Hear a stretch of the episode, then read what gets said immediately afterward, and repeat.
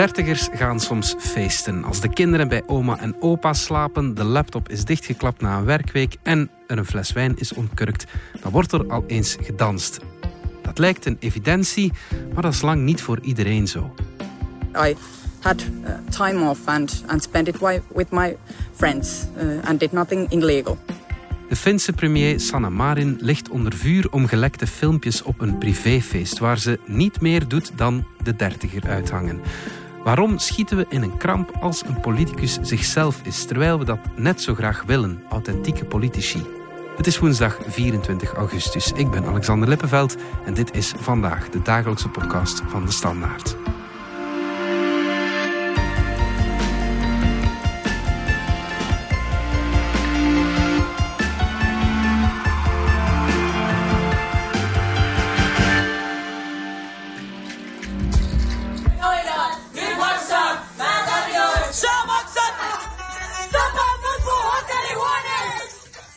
Samira Atay van onze buitenlandredactie. We horen hier een stukje van de beelden waar vorige week zoveel om te doen was eh, van Sanna Marin. Vertel eens, wat uh, is er te zien op die beelden? Eigenlijk zie je een heel gezellig huisfeestje mhm. van uh, ja, dertigers, zoals je zelf ook net zei, die aan het dansen zijn, elkaar knuffelen en meezingen op wat lijkt Finse popmuziek te zijn. Ja, ze zitten in een appartementje waar het donker is en er is een soort van paarse waas van neonlicht. Dus uh, het lijkt duidelijk op gewoon een, een heel gezellig, feestelijk tafereel, zoals er eigenlijk dertien in een dozijn zijn. Ja, ja inderdaad. Uh, met dat verschil dat er een uh, premier op te zien is. Exact. Dat is Sanna Marin. Kan je even schetsen wie ze is? Ja, Sanna Marin is de Finse premier. Zij is lid van de Sociaal-Democratische Partij van Finland en ze is sinds 2015 parlementslid. Mhm. Daarvoor was ze minister van Transport en Communicatie ja, ze heeft eigenlijk een politieke doorbraak gehad op 27-jarige leeftijd. Mhm. Toen uh, werd ze uh, hoofd van de gemeenteraad in Tampere, waar ze zelf ook bestuurskunde had gestudeerd. Ja. Wat voor haar eigenlijk heel bijzonder was, want ze was de eerste in haar familie die kon studeren. Ze is opgegroeid in een arm gezin buiten de grote stad, had geen rijke ouders. Heeft vroeger in een bakkerij gewerkt en uh, ook een tijdje als kassierster in een supermarkt. Mhm. En ze was ook af en toe werkloos. Dus het is eigenlijk een heel snelle evolutie die ze heeft doormaakt. Want dan werd ze in 2019 premier van Finland. Toen was ze 34 en dat is de jongste premier ter wereld eigenlijk. En waarom krijgt ze nu kritiek eh, op dat filmpje?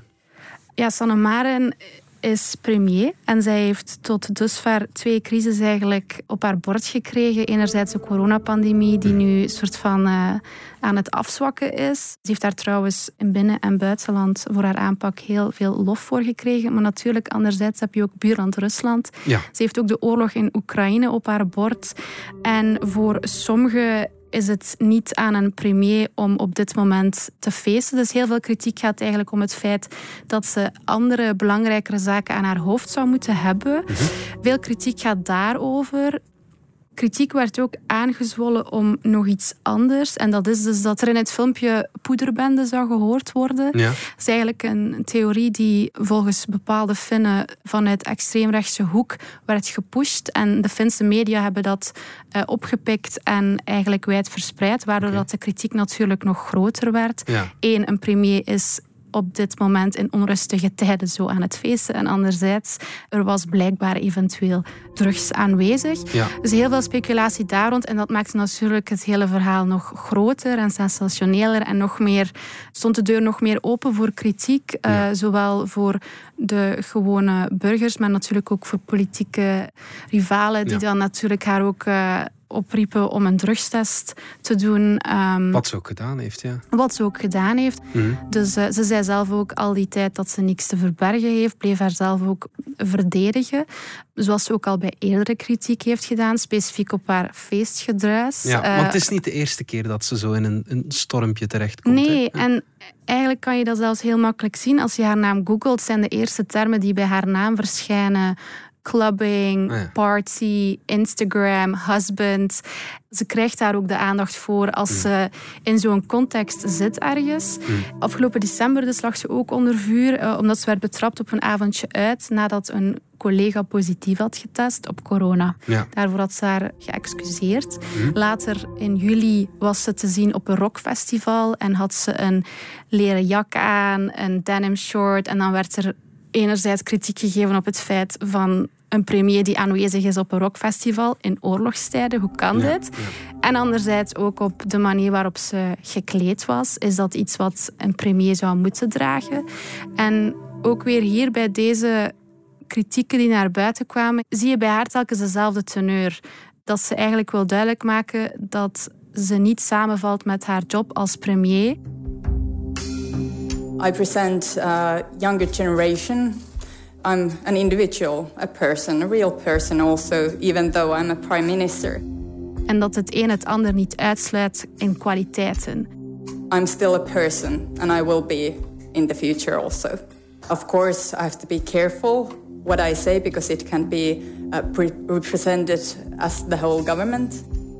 Ze wil zich eh, niet laten plooien door de kritiek die telkens naar buiten kwam op het feit dat ze uitging, dat ze met vrienden afsprak. So I won't change uh, the way I behave.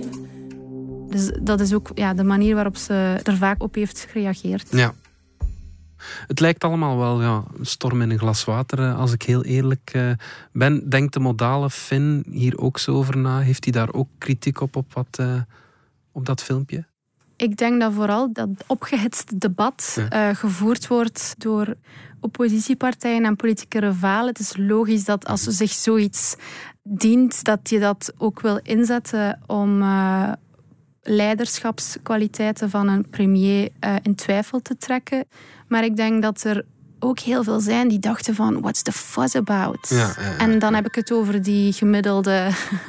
Fin eh, of gemiddelde persoon buiten Finland. En krijgt ze nu ook veel steun? Ja, dat merk je ook. Je hebt heel veel kritiek op Twitter en op sociale media, maar anderzijds ook heel veel steun. En ook mensen die sowieso al fan waren van haar, van het feit dat ze, ja, dat ze zichzelf is en dat ze gewoon een mens is. Mhm. eh, die nu ook eh, enthousiast zijn om wie ze is en gewoon een soort van go Sanna, party hard, because you work hard. Ja, ja. Zo, zo letterlijk ook zulke tweets die de wereld uitgestuurd worden.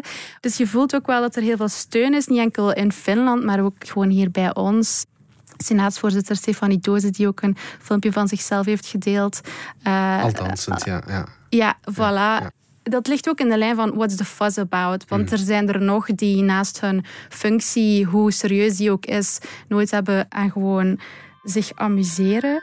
En dan zie je ook op, alweer op sociale media veel hashtags die de wereld ingaan van Dance with Sanna of Solidarity with Sanna. En dat is ook niet de eerste keer dat zo'n soort van virale steunbetuiging er is gekomen. Dat is ook zo geweest een paar jaar terug toen ze werd gefotografeerd voor een cover van een modeblad. En dan had ze een zeer stijlvolle zwarte blazer aan waar je haar decolleté zag. En dan werd dan uiteindelijk de Ja. decolleté-affaire waar eh, Ja. ook heel veel kritiek op Want wat, kwam. dat, dat was dan zogezegd ongeschikt voor een eh, premier, terwijl het een heel smaakvolle foto was, toch? eh, Ja, exact. En ze is natuurlijk ook veel meer dan iemand die hip op een modeblad staat. Maar dat werd dan natuurlijk weer ook gebruikt om diezelfde kwaliteiten in twijfel te trekken. Maar toen ook zijn er heel veel Finse vrouwen op sociale media gegaan. Ze hebben een foto van zichzelf getrokken om ook een soort van te tonen van we kijken daar doorheen. Ja, Door- ja, ja, ja, ja. Zo- Zo'n soort eh, discours dat gevoerd wordt. We gaan er even uit voor reclame. Ondernemen. Het start altijd met een idee. Als maker maakt je je eigen speeltuin bijna. Ook dat is een onderdeel van ontwerper zijn. Acteur Matthijs F. Schepers sprak met vijf jonge ondernemers die duurzaamheid hoog in het vaandel dragen. Zoals Soraya van het ethisch modelabel Studio Ama. Benieuwd hoe deze starters hun ideeën hebben waargemaakt? Ontdek De Waarmakers, een podcast van Proximus. Proximus. Think possible. Bart Brinkman van onze politieke redactie. Marin, Sanna Marin zegt in haar reactie dat ze zichzelf was, in alle eerlijkheid. Ik denk dat het wel fijn is om vaker wat eh, de mens achter de politicus te zien. Maar dat is toch vaak moeilijk, hè? Ja, dat is vaak moeilijk, omdat mensen verwachten natuurlijk van een politicus, of een politica in dit geval, verwachten een bepaalde attitude, een bepaalde houding. men zegt dikwijls uh, le fonction l'homme, of in dit geval le fonction fait la femme. Men verwacht een serieus. En, men verwacht een serieus. En, en natuurlijk laten we zeggen, 20, 30, 40 jaar geleden was het allemaal veel zwaarder. Om een, om een dom voorbeeld te geven, ik ben ooit nog uit de publiekstribune van de Kamer gezet omdat ik geen veston droeg. Ik spreek over 30 jaar geleden. maar het parlement, dat was vestimentair, was allemaal bepaald. Nu is het allemaal veel losser geworden. En dat is denk ik ook heel, heel goed ja, politici zijn mensen en komen uit een bepaalde levensstijl. Laten we zeggen dat dat hun authenticiteit is. En dan denk ik is het maar logisch dat je die levensstijl ook tijdens je functie gewoon kunt verder zetten. Ja. En was authenticiteit en politiek, ging dat dan 30 jaar geleden echt niet samen? Of uh, hoe moeten we dat dan zien? Bah, ik, zou niet durven zeggen dat het echt niet samenging, maar de authenticiteit was minder belangrijk. De politiek was veel statiger, alles was veel, veel ernstiger. En eigenlijk is het pas ja, vanaf de jaren negentig authenticiteit of de man of de vrouw achter de politicus, politica, eh, dat dat echt is doorgebroken. We kunnen het niet loszien van het feit dat ideologie minder meespeelt in de politiek. Mhm. er zijn nog altijd socialisten, liberalen, christen-democraten, groenen en Vlaams nationalisten. Vroeger waren die ideologische scheidingslijnen waren veel strakker. Dat is allemaal een beetje vloe geworden. Nu, als ideologie wat vloe wordt, is het moeilijker om u te differentiëren van de ander. Tenzij dat je het natuurlijk over je privéleven begint. Ja. En op die manier kun je dan wel differentiëren. En dan heb je allerlei toestanden, zoals en men, heeft het dan bijvoorbeeld over de Kano-test. Dus gewoon van, stel je voor, uh, je moet gaan kano varen op de Oerte. Uh, welke politicus zou je in uw boot willen? Oké. En dan, natuurlijk, een politicus die dan heel, of een politica die dan heel populair is, ja, iedereen wil die in de boot. Dan heb je goed gescoord. En dan kun je eigenlijk je eigen ideologie overschrijden, of overstijgen beter. Ja, ja, ja. en dan uh, speelt authenticiteit natuurlijk mee. Geef eens een paar voorbeelden van mensen die dat perfect in de vingers hadden bij ons dan? Ik, ik ga een voorbeeld geven van ja, nu bijna 30 jaar geleden van iemand die dat echt perfect aanvoelde. Jean-Luc de Hane. Mm. Beetje het imago van een gestampte boer. Ja. hij was ook een gestampte boer, ja. dat valt niet te ontkennen. Maar er is ook iemand die, toen hij premier werd in 1992, dan, dan schreven eh, de bekende politieke marketeers: ah, wat, wat er nu gebeurt, België, we gaan de dieprik in, want die man heeft niet het imago om premier te zijn en hij is slordig en het ziet er niet uit. maar goed, blijkbaar doet hij het heel goed. Ook in Europa wordt hij opgemerkt en in, denk in juni, juli 1994 uh, heeft hij IJzona het uh, Europees voorzitterschap gemist. Mhm. Hij komt terug van Corfu naar, naar huis en iedereen denkt, dat een enorme klap moet dat zijn voor de Hanen. En wat doet de Hanen op zaterdagavond? België speelt tegen Nederland tijdens het wereldkampioenschap voetbal in de Verenigde Staten. En hij nodigt de RTBF uit. Hij zit daar in short, Celi zit naast hem. Ze zitten echt zoals uh, ontelbare veel Vlaamse of Belgische gezinnen. Beetje man bij het hondachtig. Ja, echt man bij het hondachtig een pintje erbij, een zakje chips erbij. En ja, plots, Philippe Albert maakt een goal. Dus je ziet de hanen helemaal uit, het uitschreeuwen van vreugde. En dus één, dat was de authentieke De Hane. Maar twee, De Hane was zo slim om te weten van ik heb hier een imagoprobleem, want ik heb een belangrijke strijd op Europees vlak verloren we gaan dat even kantelen. En op, ja, binnen de 24 uur was dat gekanteld. Dus dan hmm. zie je hoe je authenticiteit ja, op een manier kunt gebruiken dat je er heel veel stemmen mee wint. Ja. Bij wijze van spreken, want er waren nog niet onmiddellijk verkiezingen. Iemand die ook al eens gaat feesten, net als Sanna Marin, is Conor Rousseau, de voorzitter van Vooruit. Hij ziet absoluut geen graten in de beelden van de feestende Finse premier. Ik heb de video gezien ik denk net, my cool, die blijft gewoon zichzelf. Tof. Geen saaie Piet met een afgelekt kostuum en grijze manen of zo, maar gewoon een, een toffe jonge madame die naast een supergoeie premier ook gewoon is wie ze is. Dus ik zie daar geen enkel probleem in. Ook Rousseau kreeg in het verleden al kritiek om bepaalde video's die van hem op sociale media de ronde deden. Heel vaak stel ik mij eerst de vraag: oké, wat zien mensen? Twee, wat kan het probleem zijn? Bijvoorbeeld, hey, nu, er, ging een video rond. Ik ga, ik ga in de zomer wel een paar festivals doen. Een video dat ik, dat ik kan dansen op een festival en dat ik een beetje in de wind ben. Moet ik eerlijk toegeven. Ehm, ja, als, ik, eh, als ik een beetje gedronken heb, presteer ik niet meer de beste dansmoves. Dat, dat, dat, is misschien wel het verwijt dat je kunt maken. Maar voor de rest ja, ben ik nog altijd een twintiger die ook met zijn vrienden soms een keer probeert om, om zich wat te amuseren. Ik trek het me eigenlijk niet aan. Wat ik wel bijzonder vind, is dat het altijd uh, uit dezelfde hoek komt en georganiseerd is. Uh, extreemrechtse kanalen, trollsites, noem maar op, dat een video van mij met een totaal verkeerd onderschrift de ronde doet en dat men dat begint door te pushen. Maar wat ik wel fijn vond, is dat ik ook merk dat als ik die video dan zie op sociale media, de grote meerderheid zoiets heeft van et alors. Dus, dus dat, dat stelt mij wel nog gerust dat op dit moment de grote meerderheid daar geen probleem van maakt. Op zijn eigen Instagram-pagina houdt Rousseau zich niet in.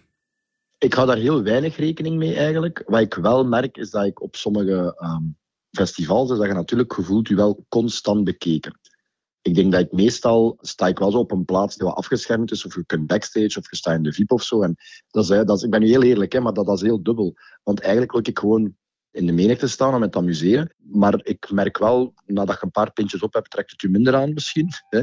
Maar in het begin, als ik toekom, ben ik altijd wel wat nerveus. Als ik op een plaats toekom, dat wel. Bart, je had het daarnet over uh, de Hanen zijn authenticiteit. Heeft Conor Rousseau die, ja, die factor ook? Maar ik vind uh, Conor Rousseau ook de, een zeer authentiek politicus. Mhm. Maar we mogen authenticiteit natuurlijk niet verwarren met automatische sympathie. Mensen hebben graag dat politici authentiek zijn. Mhm.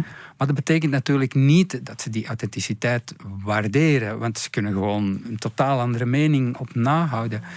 Dus ik vind Conor zeer authentiek, maar ik kan begrijpen dat mensen daar absoluut geen boodschap aan hebben of dat soms echt wil hekelen. Hij neemt af en toe cassante standpunten in die volgens mij ook teruggaan naar zijn authenticiteit. Ik denk dat hij echt zo denkt. En buit hij het eh, op een manier niet uit, zijn authenticiteit? Ja, af en toe mag je dat niet uitbuiten? Maar je mag dat natuurlijk uitbuiten. En, en geef hem maar eens ongelijk. Uh, bedoel, zijn partij zat ongeveer op 10% bij de vorige verkiezingen. Peilingen ze zeggen dat het nu 14, 15% wordt. Dus met andere woorden, je hebt een voorzitter die erin geslaagd is om de aantrekkelijkheid van zijn partij virtueel met de helft te verhogen. Mhm. Ik bedoel, in andere partijen zouden ze daar een moord voor plegen. Dus, dus natuurlijk, hij heeft een bepaalde modus operandi gevonden die succesvol lijkt.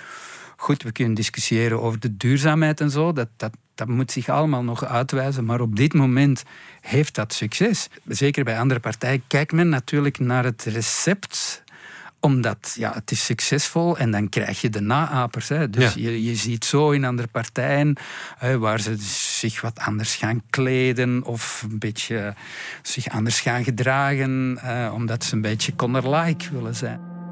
Toen ik in het Vlaamse parlement toekwam, was ik de enige en de eerste die geen volledig kostuum aan had. daar werd over geschreven. Ehm, ik was ook de ene, eerste en de enige die op officiële dingen uh, sneakers aan had, bijvoorbeeld. Als je nu naar het Vlaams parlement kijkt, er zijn er veel die misschien wel nog een kostuum, maar toch al veel losser zijn. Ehm, ik merk op socials, alleen mijn social team wordt daar heel gefrustreerd van. Die zeggen dan, ja, jij doet je ding. En, ze houden natuurlijk de anderen ook wel in de gaten. En dan zeggen ze, ja, die doen nu gewoon na. Op zich is dat niet erg. Ik wil de politiek verjongen en, en echter maken. En als er mensen daarin volgen, des te beter. Maar je moet jezelf blijven. Iemand van... heb ook al, mensen gezien die dan uh, heel hun leven wel een kostuum dragen en, en plots uh, een interview gaan geven in een, uh, in, een, in een grijze hoodie en een, en een jeansbroek met witte sneakers. Ja, als dat je ding niet is, dan staat dat niet. Dat is nog veel authenticiteit faken, dat, dat, werkt dat lukt niet altijd. absoluut niet. Ik moest eraan denken, een, een paar weken geleden eh, kreeg ik een foto toegestuurd van Georges-Louis Boucher, die was naar uh, Rock uh, Werchter gegaan. Enfin, had vooraf had hij ook een mail gestuurd naar ons om te zeggen, stuur gauw een fotograaf, want ik ga naar Rock Werchter. Daar begint het al. Het had toen geregend. En ja, die, die grond was zeer modderig. En hij had zijn dure Italiaanse leren schoentjes aan. Dus hij was helemaal niet gekleed om naar Rockwerchter te gaan. Zo fake als iets. Want dan weet je, die man is daar voor een foto-opportunity en niks meer. Of, of dat, zoals de vorige regering, die gingen dan gaan freaken op Tomorrowland. Ja, als je niet de gewoonte hebt om naar Tomorrowland te gaan, moet je dat ook niet in regeringsverband doen. Samira, Finland heeft met uh, Marin een jonge vrouw als premier. Is dat ongewoon voor dat land? Finnen zijn gewend aan vrouwelijke leiders, mhm. maar ze zijn niet gewend aan zo'n jonge vrouwelijke leider. Dus eigenlijk is vooral niet het vrouw zijn zo speciaal voor Finland, maar vooral haar leeftijd. In december 2019 is Sanna Marin premier geworden. Ze was een vrouw van 34 toen. En de vijf partijen uit haar coalitie werden ook allemaal geleid door een vrouw jonger dan 35. Oké. ja. Dus uh, dat is wel iets wat in Finland ingeburgerd is, ja speelt het feit dat ze een vrouw is mee, denk je? Dat ze zoveel kritiek krijgt? Ik geloof van wel, om mhm. twee redenen. Wat wij verwachten van een vrouw in een machtige positie en anderzijds ook hoe dat wij die als maatschappij bekritiseren of evalueren. Mhm. Die vrouw in een machtige positie. Mhm. Er is een heel interessant boek geschreven door Mary Bird, Vrouwen en Macht. De Britse klassica beschrijft daarin dat er eigenlijk tot nu toe niet echt een prototype bestaat van wat een machtige, welbespraakte vrouw in een machtspositie is. Mhm. Omdat door heen alle jaren eigenlijk vooral macht en ambitie zijn gemodelleerd, gedefinieerd door wat mannen ervan hebben gemaakt. Ja. En dat heeft ertoe geleid dat veel politica zich proberen te conformeren in iets wat eerder masculien is. Hè? Zoals bijvoorbeeld timbre van uw stem verlagen, broekpakken dragen. Kijk naar uh, Margaret Thatcher bijvoorbeeld. Merkel, uh, Theresa May. Ja, die, exact. Uh, en zo gaat het lijstje verder, omdat die masculine kwaliteiten meer geaccepteerd worden, omdat ze bekend zijn. Iedereen weet hoe een leider eruit ziet in hoofd. En dus dat cultiveert zichzelf. Maar bij Maren zie je dat, en dat benadrukt ze zelf ook vaak, hè, dat ze zichzelf niet wil aanpassen. Mhm. Misschien is het acceptabeler als haar avonden zouden gevuld worden alleen met Tchaikovsky, Tolstoy en whisky. Maar Maren is 36 en verkiest om haar tijd ook, en dat is perfect normaal, om die te spenderen met vrienden. Hoe ze zelf wil, vooral. Hoe ze, en ook vooral hoe ze zelf wil, exact. Maar natuurlijk dat ze inmiddels haar land leidt naar een historische aansluiting tot de NAVO als gevolg van de Russische invasie. Het feit dat er een oorlogstijd is en het feit dat er een energiecrisis is in haar land, et cetera, et cetera, maakt mensen ook onrustig. Maar het is ook dat wat Maren vooral wil benadrukken. Ze kan en leiden mhm. in deze onrustige tijden, maar ze kan ook terzelfde tijd een mens zijn die in vrije tijd zoals je zelf ook zegt, doet wat ze wil. Ja, ja. En het heeft hier ook niet uitsluitend met vrouw zijn te maken, maar ook met haar leeftijd. En dat is ook wat dat Karen Celis, politicoloog verbonden aan de VUB, ook heeft benadrukt, is dat het eigenlijk vooral de combinatie van jong zijn en vrouw zijn bij Sanna Marin een rol speelt, uh, waardoor dat ze dus eigenlijk een gemakkelijk doelwit wordt. Ja, Omdat ook voor Finland, die zo gewend is aan vrouwelijke leiders, zij hebben zo'n jonge vrouw nog nooit in zo'n hoge machtspositie laten we zeggen, de hoogste machtspositie van het land nog niet gezien. Mm. Dus ze kennen dat beeld ook ergens niet. Mm. Ook dat uh, beantwoordt niet aan de norm. Iemand die zo jong is, die leidt geen land tussen aanhalingstekens. Ja, ja, ja, en dus kan ook op die manier haar privéleven gemakkelijker geproblematiseerd worden, zegt Celis. En dus wat hoort daar dan bij? Ja, dat is je privéleven, maar dat kan ook je uiterlijk zijn, uh, zoals ook bij haar het geval al is geweest, of de manier waarop je je kleedt, hoe je je stem gebruikt. Mhm. En hoe je gewoon bent. Hoe denk je dat uh, Sanna Marin hier uiteindelijk uitkomt? Denk je dat ze niet vooral populairder gaat worden? Dat is een, is een goede vraag en ik heb dat ook aan politicoloog Karen Celis voorgelegd. Mhm. En zij zei dat uh, wat er nu gaande is, of wat er afgelopen week is gebeurd bij Sanna Marin, vooral politiek scoren is. Omdat ze toch wel telkens weer benadrukt van ik ben maar een mens, ik val niet samen met mijn job. En anderzijds draagt ze ook wel alweer een belangrijk boodschap uit aan jonge meisjes die misschien een angst voelen om zich te moeten aanpassen als ze ooit in een hoge machtspositie zouden willen mhm. terechtkomen. En dus dat ze daardoor op lange termijn wel veel harten gaat winnen. En dat het dus eerder positief zal zijn voor Sanna Maren dan negatief. Goed. Samira Tai, dankjewel. Dit was vandaag de dagelijkse podcast van de Standaard. Bedankt voor het luisteren. Volg ons op Spotify, Apple Podcasts of eender welk ander podcastplatform. In onze gratis FDS podcast kan je niet alleen ons werk beluisteren, maar ook de beste podcasttips voor op vakantie of ergens onderweg. Met zorg geselecteerd door onze redacteur Max de Moor. Alle credits van de podcast die je net hoorde vind je op standaard.be-podcast. Reageren kan via podcast.standaard.be. Morgen zijn we opnieuw.